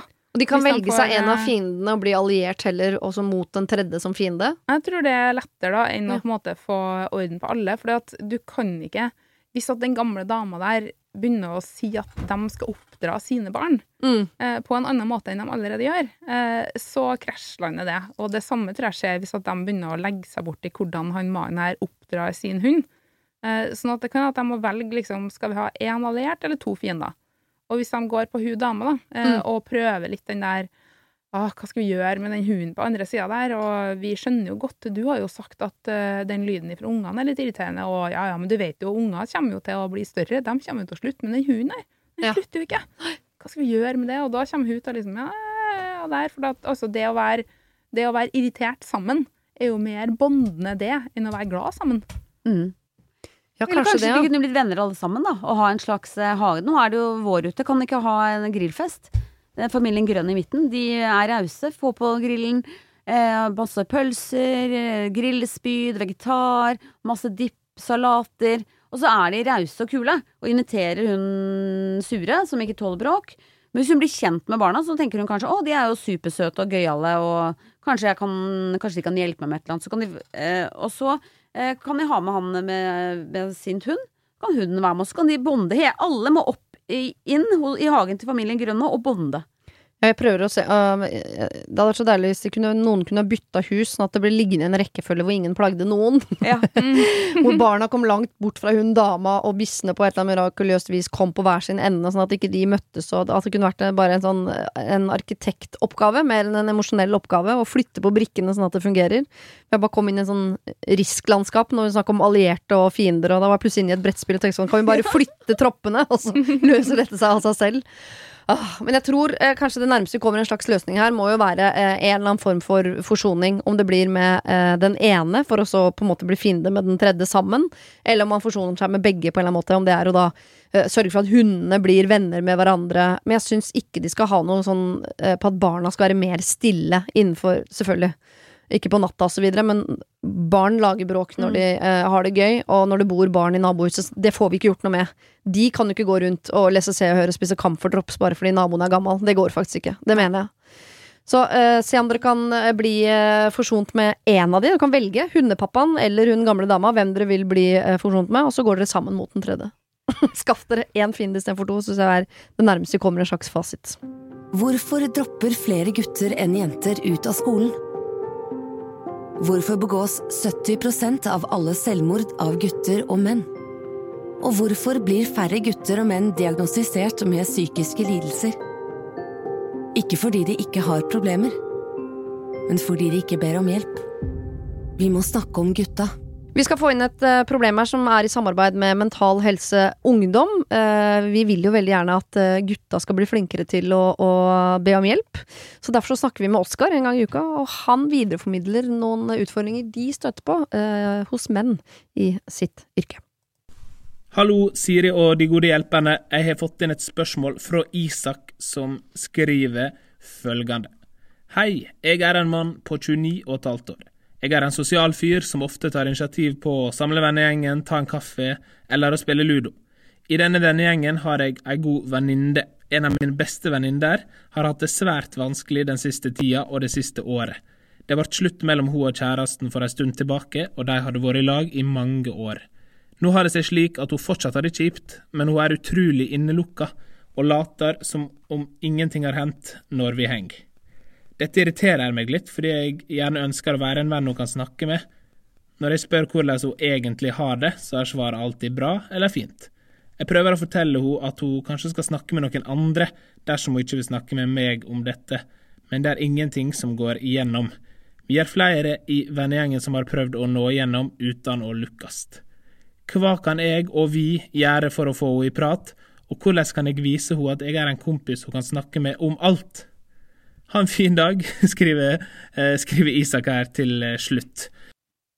Omsorgsfulle Isak vil hjelpe en venninne som har lukket seg helt, og det er et spørsmål jeg syns er vanskelig å svare på sånn Kan de nærmest kreve at hun skal snakke med de når hun ikke vil? Hvor mye skal man pushe på for å få til det, og når skal man eventuelt øh, gi opp? Eller hvordan når man inn til noen som tilsynelatende ikke vil bli nådd inn til? Man kan prøve å kreve det, men man kan være helt forbanna sikker på at det er veldig lite vits i. Ja. Um, jeg vet sjøl som er en som er ganske, jeg kan være ganske vanskelig å snakke med. Uh, det er ganske fortvilende for dem rundt meg. Uh, alt fra, fra mammaen min til kjæresten min til vennene mine kan synes det er vanskelig å snakke med meg om det jeg syns er trøblete. Eh, fordi at jeg vil gjerne prate med folk om deres problemer, eller stille opp for folk, og alt sånt, men med en gang det er noen ting jeg sjøl ikke har fått til, så går det veldig i stå. Eh, for jeg har ikke noe sånn, jeg har ikke noe godt språk på hvordan jeg har det. Eh, jeg har ikke noen gode sånn forklaringer på hvordan jeg føler det, eller hvorfor jeg føler det som jeg gjør, før liksom i etterkant. Da kan jeg si litt om hvordan jeg har hatt det, men jeg syns det er veldig vanskelig der og da. Så kanskje er det å prøve å finne en annen vei inn, da. Eh, En av de måtene som gjør at jeg klarer å snakke med noen, er f.eks. å gå tur og snakke. Ikke føle at jeg sitter i en sånn intervjusituasjon der jeg er nødt til å fortelle. Eh, Da ender det enten opp med at jeg blir sint eller begynner å gråte fordi at jeg blir, jeg blir så stressa. Eller at det går an at han forteller litt mer om hvordan eh, han har det med ting, hvordan han tenker rundt ting, sånn at hun kan få noen sånne forsiktige vindu inn for å bidra litt med sine erfaringer, sånn at hun får varma litt opp. Um, Og man må jo forstå at folk er litt forskjellige på de tingene. For det kan jo hende at hun, det hun nettopp trenger, er tid. At folk bare er til stede, sånn at når hun vil prate, så gjør hun det. Enn den der at man føler at nå, nå må jeg fortelle deg noe, men er, det, øh, er det ditt behov vi dekker nå? Ved at jeg forteller mine problemer til deg, eller hva? Så jeg, jeg, det er fint at Isak spør, men det kan nok hende Man har ikke svikta som venn så lenge man liksom viser at man er til stede den dagen. Hennes behov er å prate, og ikke at det er hans behov for å prate. Jeg syns det er så viktig det du sier, det med at det er forskjell på hvem sitt behov som er hva. Mm. Altså Det at hun er innelukka, kan jo like gjerne være hennes måte å vise at hun ikke har det bra på. Kanskje er det ikke ord hun kommuniserer at hun ikke har det bra på. Kanskje bør hun bare ha noen som klarer å være til stede sammen med hun uten å kreve at hun skal begynne å fortelle og klarlegge alt hvordan hun har det. Eh, For det er jo ganske tydelig hva det er som har vært vanskelig. Eh, Og at hun har kommet da ut av noen ting og kanskje skal ha litt tid eh, for seg sjøl, men at han bare skal være til stede og ikke være ikke forvente at hun skal gjøre akkurat det han ville ha gjort. Eh, Jeg blir litt irritert på hennes vegne når han sier at han blir irritert. Ja. Hva er sånn her, hvorfor, Jo, men det er jo noen hun... som vil at man skal mase, og som sitter og er litt sånn øh, kostbar på hva de skal åpne opp om, hvis du skjønner. Som sitter og, og lurer på hvorfor er det ingen som som jobber hardere for å komme inn. Dere ser jo at de har det vanskelig. Når skal dere på en måte eh, Man har sett på filmer, liksom. Når skal du komme hjem til meg med den kyllingsuppa? Skal ikke du, eh, når jeg sier nei, jeg har ikke lyst til å være sammen med deg, skal ikke du bare banke på døra mi en dag med to hengekøyer og dra meg ut i skogen, for det er jo det jeg egentlig trenger. Mm. Det, det er jo eksempler på det også. eh, At det er noen som Han ene som nekta å ga opp, og som hver gang du sa nei, jeg vil ikke prate, så, så til slutt så klarte man å åpne den nøtta, på en måte. Men det, ja, det vet man jo ikke, da. Da spiller det jo et eller annet sånn her spill, tenker jeg, og da må jo han prøve å finne ut av det. Da er det sånn her å si det at du er det sånn at du ønsker at jeg skal mase på deg, eller ønsker du å være i fred? Eller, eller si sånn som noen av mine veldig fine venner sier, da, er at hva trenger du nå? De Ja. stiller det spørsmålet istedenfor å drive og liksom skal gjette seg fram til alt, eller å, å tvinge fram noe. Så sier de hva er det du trenger nå? Og ja, det er veldig, veldig vanskelig å svare på, og kanskje har du ikke et godt svar på det, men det gir i hvert fall en åpning, da. Ja. Jeg tenkte kanskje at eh, de veit jo hvordan hun var før, når hun var i forhold, og, så, og i den, når kjærlighetssorgen eh, kom, da, og hvordan hun er nå. Så jeg bare tenkte at eh, det kan hende at hun ikke har lyst til å snakke om det, og bare behov for å være sammen med venner, så da kan du bare fortsette å være sammen, og kanskje finne på nye ting, sånn at hun får litt eh, input. Men det kan jo også hende at hun gått eh, At hun har på en måte resignert. Jeg sa jo sjøl at jeg hadde hatt kjærlighetssorg i et år. Og i deler av den eh, kjærlighetssorgen så følte jeg at jeg mista meg selv og bare klarte ikke å gå på jobb. At man blir veldig sånn Man får sånn teppe dratt under seg. At man bare er sånn en, hvem er det som er igjen her nå sammen med meg? Har jeg noen venner igjen? At hun på en måte er i en sånn Jeg vet ikke om jeg skal si depresjon, er kanskje litt sånn diagnose, men at hun på en måte er på et sted hvor hun liksom ikke helt vet hvor hun har seg sjøl og venner. At hun trenger kanskje enten hjelp til å komme seg videre, eller eh, inspirasjon til, Mm. å, til å begynne å tenke nytt. Det er derfor det er vanskelig, for det veldig vet man jo ikke, og det er vanskelig å svare på også, selv om man stiller spørsmål hva har du behov for nå. Så jeg tenker det fineste, eller riktigste, eller hva vi kan si til Isak, er på en måte finn en eller annen måte å vise at du er der for henne på, uten at du nødvendigvis stiller de helt konkrete spørsmålene. Sånn at hvis hun føler det som en sånn noe hun må ta tak i, noe som er liksom basert på deg og dine behov, eller så kan det virke masete, men at du viser til venninnen din at 'jeg er her den dagen du vil prate'. Det tror jeg på en måte er det mest nøytrale man kan gjøre, uten å vite nødvendigvis hva den andre egentlig ønsker på et eller annet tidspunkt. da. Og så er det kanskje å tenke hvordan hun, hvis hun var veldig sprudlende og gøyal før, og nå er liksom helt uh, mutt, uh, og ikke kommer med initiativ, eller uh, går ned i vekt veldig masse og isolerer seg sånn, så er det kanskje, da er det kanskje at noen flere trenger å hjelpe til, da, at det kanskje er noe mer enn bare en vanlig kjærlighetssorg. Det kan Mm. jo også være andre ting. Det er jo veldig mange som har fått det vanskeligere under korona.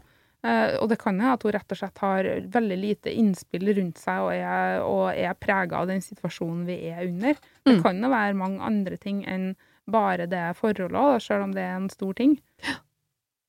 Men jeg tror i hvert fall han skal ta bort den irritasjonen over at han irriterer seg over at hun ikke vil åpne seg. For jeg sånn, Enten så vil hun ikke det, og det er hennes rett, eller så er hun ikke klar for det. Eller så kanskje hun ikke vil åpne seg til deg. Det er også en helt eh, reell eh, mulighet. Så jeg tenker at man på en eller annen måte ikke skal Man skal ikke mase og føle at man har en liksom rettighet til å få lov til å slippe inn, men bare vise at hvis du vil, så øh, kan du snakke med meg. Og så går det an også kanskje for Isak da, å understreke at selv om han er utrolig sosial, så behøver ikke hun å være nøyaktig likedan. Nei. For det kan jo òg hende at hun føler litt på det at hun vil ikke dra han ned. Og hvis at hun får da følelsen av at ja, han, selv om han elsker ludo, så liker han også å prate om eh, drit. da. Sånn at eh, hun ikke føler at eh, hun ødelegger hans veldig veldig gøye hverdag med sine problemer. Vi skal over på noe mer sånn uh, Her skal vi ta et valg, rett og slett, på vegne av en som ikke vet hva hun vil bli når hun blir stor, så her skal vi velge mellom to retninger. Jeg er en jente på 23, snart 24, som til sommeren er ferdig med en bachelor hvor jeg nesten er sikret jobb i fremtiden, for eksempel sykepleier, men det er ikke det, altså. Jeg skjønner ikke hvorfor det skal være hemmelig hva det er, men det er i hvert fall yrke som er veldig sånn, yrkesretta, da, så når hun er ferdig, så får hun den jobben. Jeg har derimot i flere år elsket å se på leiligheter på Finn, se programmer som handler om salg av leilighet, og jeg har lenge egentlig drømt om å bli eiendomsmegler. På videregående var jeg 90% sikker på å starte på eiendomsmeglerstudiet, men slo tanken fra meg pga. utfordringer med matte. Jeg ser ikke på dette som et like stort problem lenger, og er mer motivert nå for å sette meg inn i dette og mestre skolen. Og så eh, har jeg foreldre som ikke er så begeistret for det valget. Eiendomsmegler er et yrke som kan være vanskelig å få jobb i, i tillegg til at man har en usikker fremtid med tanke på økt digitalisering og en lønn som er ren provisjon. Jeg har heller ikke planer om å bo i en storby hvor det kan være lettere å få jobb. Allikevel er eiendomsmegling drømmen, tror jeg. Foreldrene mine mener derimot at det er dumt å skulle studere i tre år til og få det ekstra studielånet, for ikke å så få jobb og, ha en usikker inntekt. De mener jeg burde starte å tjene penger nå, snart, og dette er noe jeg tenker på, altså. Jeg er 23 år gammel og er langt ifra å kunne kjøpe egen bolig, bil og andre ting jeg ønsker å skaffe meg om ikke altfor lenge. Jeg er veldig usikker på hva jeg skal gjøre til høsten. Skal jeg starte i full jobb i yrket jeg nå er ferdig i, eller skal jeg starte på drømmestudiet med en usikker fremtid i møte? Jeg stresser også med at jeg i så fall er ferdig på studiet sent, altså 27 år, og at jeg først da kan starte å tjene penger og betale studielån. Kall meg tvilende Tora. Altså, skal hun nå begynne Hun er ferdig utdanna et eller annet nå, la oss si sykepleier, da, selv om det ikke er det. Eller skal hun fortsette å studere i tre år til, bli 27 før hun begynner å tjene penger, men det er drømmestudiet. I, Nei, jeg Gud, det var litt vanskelig. Jeg tenker altså, det hører, Ja, det høres kanskje ut som foreldrene hennes også, men er det ikke greit å bare jobbe som det hun har utdanna seg til i et år? Og så Kanskje hun kan legge inn litt sånn eiendomsmegleraktig ting i det hun skal jobbe som. Sier hun skal jobbe som sykepleier, da. Ja. Så kommer pasienten inn. Mhm. Vet ikke om du synes det var etisk i det her, eh, Ingeborg, men han kan si sånn Ja, det er budrunde på Nå skal jeg bare tappe litt blod mens Ja. vi scroller på Finn her. Hva tenker du om denne leiligheten? Nei, jeg tenkte mer sånn at du, vi skal ta blodprøve. Legge inn et bud Ja. på om hvem av de to som skal få ta øh, blodprøve. Mm. Da får man litt den, den spenningen, da. Ja, ja. Som er, sikkert er ved, ved å jobbe som eiendomsmegler. Alltid pynte legekontoret med lime, som jeg har sett at er veldig populært på Finn og denne for. Ja, en liten orkidé, en saueskinn. Eh, Ja. La oss si Tora, Tora er, er, jo, er jo et barn. Er 23-24 år. Det er Ja. ingenting. Um, jeg, jeg er jo også utdannet, jeg er jo faktisk utdannet sykepleier. Ja. Uh, jeg ble da innlagt fem dager etter jeg var ferdig utdanna. og først etter at jeg var blitt friskere, så tenkte jeg bare, vet du hva, sykepleie, det er helt topp at jeg er ferdig med den utdannelsen. Ja, jeg har et fett studielån. Jeg kan begynne å jobbe nå som sykepleier, betale ned det lånet, ha trygg jobb. Jeg digger sykepleie. Jeg, sånn, jeg, har, følger masse traumekonter på Instagram og sånn, fordi jeg syns det er så gøy med blod og gørr og ulykker og sånne der ting. Eh, Jeg har ingenting imot sykepleie, men den drømmen som hadde ligget i meg helt siden så lenge jeg kan huske, det var å bli journalist. Ja. Det var det jeg hadde lyst til å bli, men det var for usikkert. Da måtte jeg flytte hjemme, eller ikke hjemmefra, men hjem, hjem fra Trondheim. Jeg måtte flytte fra Trondheim. Eh, Jeg kunne kanskje ikke få jobb. Altså det er drittvanskelig å bli noe innen media. Mhm. Eh, Det vil jo veldig mange bli. Um, det var usikkerhet med økonomi, usikkerhet hvor jeg kunne bo. Alt var usikkert. Eh, men jeg tenkte at nå har jeg fått en sjanse til å gjøre det jeg faktisk drømmer om. Eh, og når jeg først tok sjansen på det Nå gikk jo det veldig bra, det kunne jo også ha gått rett i dass, men da hadde jeg jo kommet til å ha sykepleien i bunn. Da hadde jeg kunnet gått tilbake til det.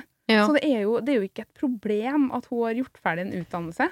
Hun Nei. har den i bunn, da, og det er sånn her Ja, det blir litt større lån. Eh, og ja, det er kanskje ikke megalurt å være eh, eiendomsmegler et sted der det bor 700 innbyggere, og de flytter en gang annenhver generasjon, så det kan hende at hun må revurdere en del av de tingene hun har bestemt seg for her. Men sånn, det å følge en drøm, hvis det er sånn at det har fulgt henne over tid, da har jeg så lyst til å heie på det. fordi at det er jo ikke sånn at det der trenger å være den eneste drømmen. Altså 23-24 år, det er ingenting. Jeg har lyst- jeg har-. Jeg har lyst til å være mammaen og pappaen hennes litt. Uh, og ikke si sånn 'legg fra deg den tullete drømmen din'. Uh, det ville jeg absolutt ikke gjort. Men jeg vil tenke sånn, nå har du tatt en utdannelse. Prøv det yrket i ett år. Og kanskje viser det seg at det er en fantastisk jobb, du stortrives. Eller så viser det seg at den jobben jeg var ikke helt noe for meg. Jeg tenker fortsatt på eiendomsmeldingen. Da har du fortsatt veldig god tid til å gjøre det, og det virker, jeg synes det virker så deilig å kunne stykke opp livet litt sånn at ikke det er så innmari sånn Så studerer jeg, så jobber jeg, så får jeg barn. Så, eh, at man kan veksle på litt sånn. Jeg skal jo begynne på skole til høsten nå. Men tenker sånn, så deilig. Nå har jeg hatt mange år i, yrkeslivet. Skal tilbake på skole. Jeg gleder meg sånn genuint til det. Og jeg tenker, Istedenfor å nå bare legge en én utdannelse oppå den andre. Kanskje den er heldig og kan bruke begge to. eh, Men eh, sjansen for at en av de utdannelsene er på en måte en utdannelse hun ikke hadde trengt å ta fordi hun gikk bare i den ene retningen, er jo til stede når man tar to rett etter hverandre. Men hvis hun nå prøver den ene hun har tatt, og så eh, gir seg selv et år Ok, nå skal jeg jobbe i dette yrket i ett år. Jeg gir det ett år. Og så kan hun søke å begynne på eiendomsmegling da høsten 2023. Det er et godt poeng, og det er ikke sikkert at hun trenger å gå den treårige eiendomsmeglerskolen heller. Det kan at hun kan ta og jobbe en stund, og da, som du sier, Mm. eh, og få opp litt grann kapital og trygghet. Og så ta et eh, kurs, da, treukerskurs eller noe sånt. Eller at du søker deg inn som at du kan ha noe apprentice-opplegg et sted, Ja. eh, og se hvordan virkeligheten er der. For det er veldig mange yrker som virker veldig gøy, men så var det kanskje ikke noe for deg heller. Og så har du ikke brukt de tre årene, da, i det minste. Å være ferdig utdanna eiendomsmegler som 27-åring er jo ikke noe. Du kan like sett være 32. Du har fortsatt 100 år igjen hvor du skal jobbe. Du kommer uansett Om det, jobben din er å kose med delfiner og kattunger, så kommer du til å bli drittlei på et eller annet tidspunkt. Mm. Så jeg tenker, hvis man kan spre det litt utover, gjøre forskjellige ting, så er det Tror jeg det er veldig lurt, da. Mm. Men jeg vet at jeg antageligvis høres ut som mora di, så det beklager jeg. Ja, det var litt dølt at vi kanskje sa det som foreldrene hennes sa, egentlig. Hun ville kanskje høre det motsatte. Ja, men de er jo imot eiendomsmegling. De er jo øh, eiendomsmeglingsskeptikere begge to, og mener at det er en tullete drøm. Sånn som, ja Og syns hun bare skal bli det hun allerede har studert. Det er ikke det jeg sier. Bare porsjoner litt utover. Ja, Gjør begge deler. litt. Kan bli det om eh, noen år, når du er lei av å være det hun har utdannet seg til nå, da. Ja. Det kan jo har fått litt skrekk nå når hun begynner å nærme seg. Nå er det jo snart eksamen, eller kanskje det er eksamen akkurat nå, for alt jeg Mm. vet. Skal bare begynne å jobbe om et par måneder. Ja. Det er granatsjokk, men det kan glede seg til. Det er å få lønn. Det er jo så gøy.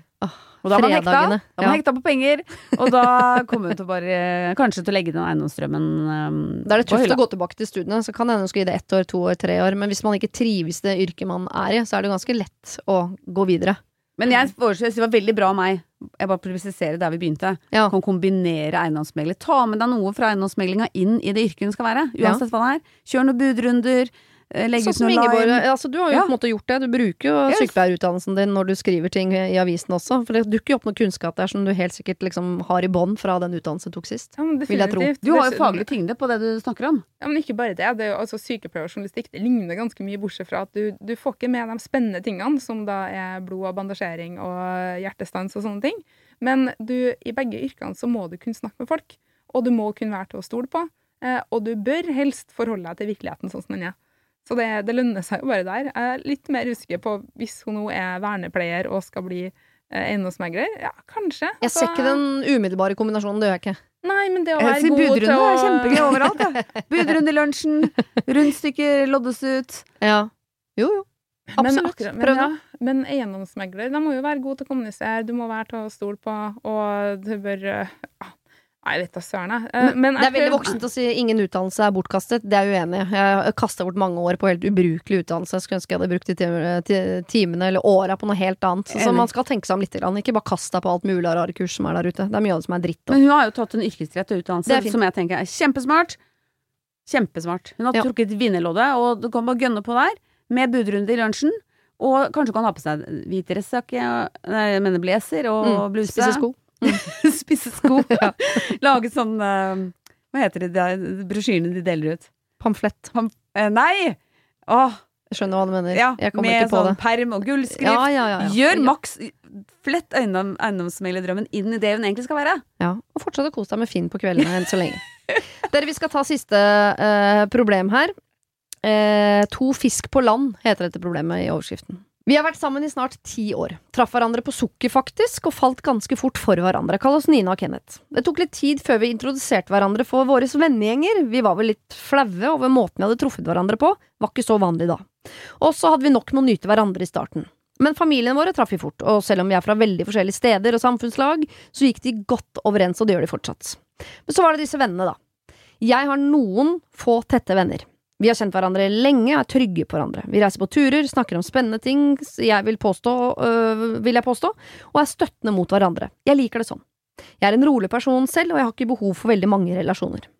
Kenneth gruer seg alltid til å være sammen med dem. Han sier han kjeder seg og føler seg dum når vi setter i gang med våre politiske analyser og tolkninger av musikk han ikke har hørt. Men han er ikke dum.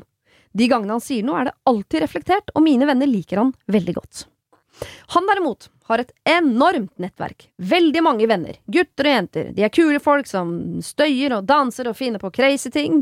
De er litt som hvite gutter, bare flere og eldre. Hvis dere har sett serien på Discovery Blues. Nei, jeg har ikke sett Ja, men skjønner du greia. Kjenner Ja. Jeg føler meg ikke hjemme her, men jeg blir jo med av og til, for det er jo hans venner. Så der står vi, da. To stykker som elsker hverandre, men som føler seg som fisk på land i hverandres miljø, og hva gjør vi med det? Hvem skal vi henge, på når vi, henge med når vi en dag får barn, eller med en nærstående? Hvem drar man på ferie med til sommeren, for eksempel? Hilsen Nina Kenneth. Ja, de har kjempebra svar. Ja. De, de kommer til å trenger ikke å stresse med at du ikke går overens med hans venner, og han, går, at dere ikke går overens med hverandres venner. Okay. Ikke stress med det. Når dere får barn, og får barn i barnehagen, så får dere helt nye venner. Det er foreldrene til de barna som man plutselig begynner å henge med og dra på ferie med. Mm. Så det er bare Sånn blir det mest sannsynlig. Ja, så det er både uh, hans litt sånn ute i periferien og hennes litt sånn ute i periferien, og så får man nye felles. Ja. Og nye felles venner er jo deilig. Nye Som et supplement, om ikke annet. Ja, kjempebra. Og da kan man jo Da er det enda diggere når man kan dra og møte sine venner, for det er det ikke sånn at typen skal være med og møte sine venner. Da har man jo sine venner som sin sfære. Mm. Og når Kenneth da skal møte sine hvite gutter, så har han sin eh, greie. Så har det de felles venner som er de foreldrene til de i barnehagen. Men mer- Den er grei. Nei, Neste problem. Ja, ja, jeg skjønner, men jeg, sånn Nei da, det var veldig teit. Jeg skal ikke si at vi har det sånn, men jeg har jo mine venner, han har sine venner, og så har vi noen felles venner, og det er utrolig deilig, for da kan jeg få lov til å være meg noen ganger, han kan få lov til å være seg noen ganger, og så må vi være oss. også innimellom, som jo er også veldig koselig. Men mer nærstående nå, hvem drar man på ferie med? Nå, nå har de jo ingen felles venner. De har Nina sine venner, og så har de Kenneth sine venner. Jeg syns det er ganske interessant at de er så intenst opptatt av at de må dra på ferie sammen med folk og sånn. Er, er det veldig vanlig? Gjør alle det? Nei, jeg er så ny i det her forholdsverden. Er det sånn at jeg nå må tenke hvem av eh, den nye kjæresten sine venner er dem jeg har tenkt å dra på ferie med? Må jeg ta Mm. stilling til det? Ja, når grensene åpnes opp nå, så kan det hende ramler inn en invitasjon til en oval Viken i Roma, for eksempel, med deg og et vennepar. Ja, men det er jo ikke, er ikke det gøy, da? Ikke hvis bare du liker de dere skal dra med, og typen din ikke liker dem. Da er det ikke sikkert Ja, det blir så Det er ikke bra. Men sånn, i utgangspunktet her da, så burde jo de ha et kjempebra ståsted for å finne ut av det her. For at de tydeligvis føler de seg begge to veldig utafor, og egentlig ikke er det. Fordi at hennes venner liker jo han, eh, og hans venner Nå har ikke han sagt så mye om eh, De har sikkert ikke lagt merke til Nina engang, for de er så opptatt med sitt borte ved poolen ved barbecuen der borte, mens Nina sitter i Ja. en stol et eller annet sted. Men det er sånn her, nå har de, de har så mye bra ting. Da. De har lyst til å være med hverandre. eh, Og de har et bra nettverk på hver sin, sin kant. Jeg føler jo liksom at de har, de har det så bra. Jeg føler det, de, de, har jo, de har jo ikke et egentlig kjempestort problem. Det er ikke det at jeg minimerer det, altså. men jeg tenker bare at de har et godt utgangspunkt for å finne ut noe bra. Ja. Eh, at de Men hvis de, de ønsker jo innimellom f.eks. For eksempel eh, Nå skal jeg lage et fiktivt problem som jeg tipper de Mm. møter på av og til. Nå neste helg eh, så er Nina og Kenneth bedt hjem til en venninne av Nina. De er fire stykker eh, som skal gå gjennom den siste plata til Emilie Nicolas og tolke tekstene derfra. Jeg tenker bare jeg vil ikke hvis dere bor i Bø. Nei, sorry. Og så, eh, så er det en annen invitasjon samme helg til gjengen til Kenneth. De skal 65 stykker opp til Trysil, hvor de skal bare døtte i seg mest mulig eh, Aperol og chilinøtter den helga. Hva velger de? Jeg tenker bare smittevern. Nei, det her er veldig enkelt. Du skal ha ingen av delene. Men sånn, ja. Ja, men dette er en, Eh, en, en, nær, nærstående fremtid når ting er normalt. Det blir en fantastisk fremtid. Sånn her, jeg, jeg gruer meg litt, for da må jeg forholde meg til veldig mange. Og Mm. samtidig gleder jeg meg veldig, fordi du får utfordre deg litt da, på ting du ikke har gjort så veldig mye i det siste. Ja. Eh, og jeg tenker at her må de jo finne et slags kompromiss. da. ja, hva er det? At det er sånn at de, de har ei Kenneth-helg Ja. og ei Nina-helg. Kenneth-helg, da må hun strekke seg litt lenger for å være med dem, og da må hun starte med utgangspunktet at de er ikke sånn som hennes venner, Mm. eh, og at hun må ta det for det det er, da. Eh, og prøve å se etter de gode tingene. Det er jo masse rart med absolutt alle, og jeg tipper at det er sikkert mange av eh, vennene til kjæresten min som syns jeg har masse rare greier, men sånn, man må jo ta hverandre for det man er, da. Ja. Eh, og så neste gang så er det ei Nina-helg. Og da må han kanskje strekke seg litt lenger for å se at de faktisk liker han, og ikke gå så i seg sjøl og dømme seg sjøl og føle seg dum og sånne der ting. ja. Eh, men sånn at de da fordeler litt, at de har ulike helger da, med de ulike vennene. Som der den ene må strekke seg litt lenger den ene helga, den andre må strekke seg litt lenger den andre helga. Ja. For altså, hvis ikke så blir det jo Da må de jo bare splitte opp og ha hver sine venner, eller få barn og barnehage med nye foreldre. Det, det er jo ganske langsiktig perspektiv, det òg. Bruk tida framover nå på å få barn. Det er ja. Men det, er, Ja, men det kan det vanlige er at Nina forsvinner inn i gjengen til Kenneth. er vel mest vanlig. Ja, det er veldig Ja, vanlig, men og det- er veldig synd hvis det må skje hver gang. Jeg tenker Ja. at det, det er ikke noen grunn til at bare det ene eller det andre skal skje, da. Men Det kan hende at de eh, For de har vært sammen i ti år, siden de møttes på Sukker. Så de har vært sammen veldig lenge. Ja. Så de har sikkert tråkka rundt i hverandres gjenger ganske lenge og hatt stor, stor tålmodighet der. Så grunnen til at de skriver nå, og ikke for fem år siden, det er jo sikkert at uh, nå begynner de å Mm. se seg etter nye ting. Ja. Ja, Ja, enten at de får barn, eller at de nå trenger noe, uh, og det gjør vi alle i koronatid, litt input. Så kanskje de trenger noen nye hobbyer eller teste noen nye aktiviteter. Og da har de Nå har jeg en liten løsning her Ja. som jeg tenker kan være veldig god. Ja. Eh, Det blir avslutninga vår, faktisk. Så den, eh, det, det Den blir sitte. siste ord, så den bør sitte, ja. Den besitter sitte. Og det er at Nina inviterer med seg to fra sin gjeng, og Kenneth inviterer med seg to fra sin gjeng. Og så finner de på noe helt nytt. For eksempel hoppe i fallskjerm, Mm. dra og isbade, teste en ny, uh, ny takeaway, gå i Escape room. parken, escape room. Da får vi sånn hver gang vi møtes fester, hvor det viser seg at uh, Maria Mena og Staysman har masse til felles. det kan jo hende. Sitter og griner. Jeg kanskje da skal gjøre det, leie den gården. noe, noe nytt, da. Ja. Ok, Nina Var ikke det Kenneth. bra, eller? Jo, det var bra. Dere, Ja, for da eh, blir alle usikre, og det er en ja. fin ting. Hvis at alle er på Eller hvis det er ingen som er på trygg grunn, men alle er på litt ny, så finner jo fellesskap i det her at det er noe helt nytt. Rent darwinistisk så overlever jo ikke uh, fisker på land, med mindre det er veldig mange fisker på land, for da er man nødt til å finne ut av det, noen overlever, og da neste generasjons fisker faktisk trives på land. Så er det Nina og Kenneth må. De må dra alle fiskene opp på land. Kenneths venner inn i Nina sitt miljø, Ninas venner inn i Kenneths uh, sitt miljø. I hvert fall noen uh, spleisinger der. Og så for guds skyld, Nina, skal du av og til bare være sammen med dine venner uten Kenneth, og Kenneth med sine uten deg. Og så får dere felles venner i barnehagen hvis dere får barn en dag, eller skaff dere noen andre felles venner i et annet miljø. Begynn med kiting, gjør hva dere vil. Og til slutt så har dere helt enormt mange venner, så kan dere bare shoppe. Og så blir det noen Nina-helger og noen Kenneth-helger, og noen sammen-helger. Det er jo dødsbra. For et liv de får nå. Ja, det høres fantastisk Jeg har lyst til å være med sjøl. Jeg Ja, Tusen takk for at dere ville være mine gode hjelpere, begge to. Takk for at jeg fikk komme. Jeg har lært masse av dere. Jeg sitter jo bare og lytter til mor 1 og mor 2, som vet så mye om livet. Jeg, bør, jeg prøver å lagre ting, så jeg skal takle ting sjøl her. Vi forventer å dukke opp i en kronikk ganske snart. Ja, det skjer ikke, altså. Nei, jeg ikke, Ikke dra meg inn i de greiene der, si. Ok, ha en god helg videre. Det var det. Husk å sende ditt problem til siri at radionorge.no om du vil ha hjelp. Denne podkasten er produsert av Klynge for Bauer.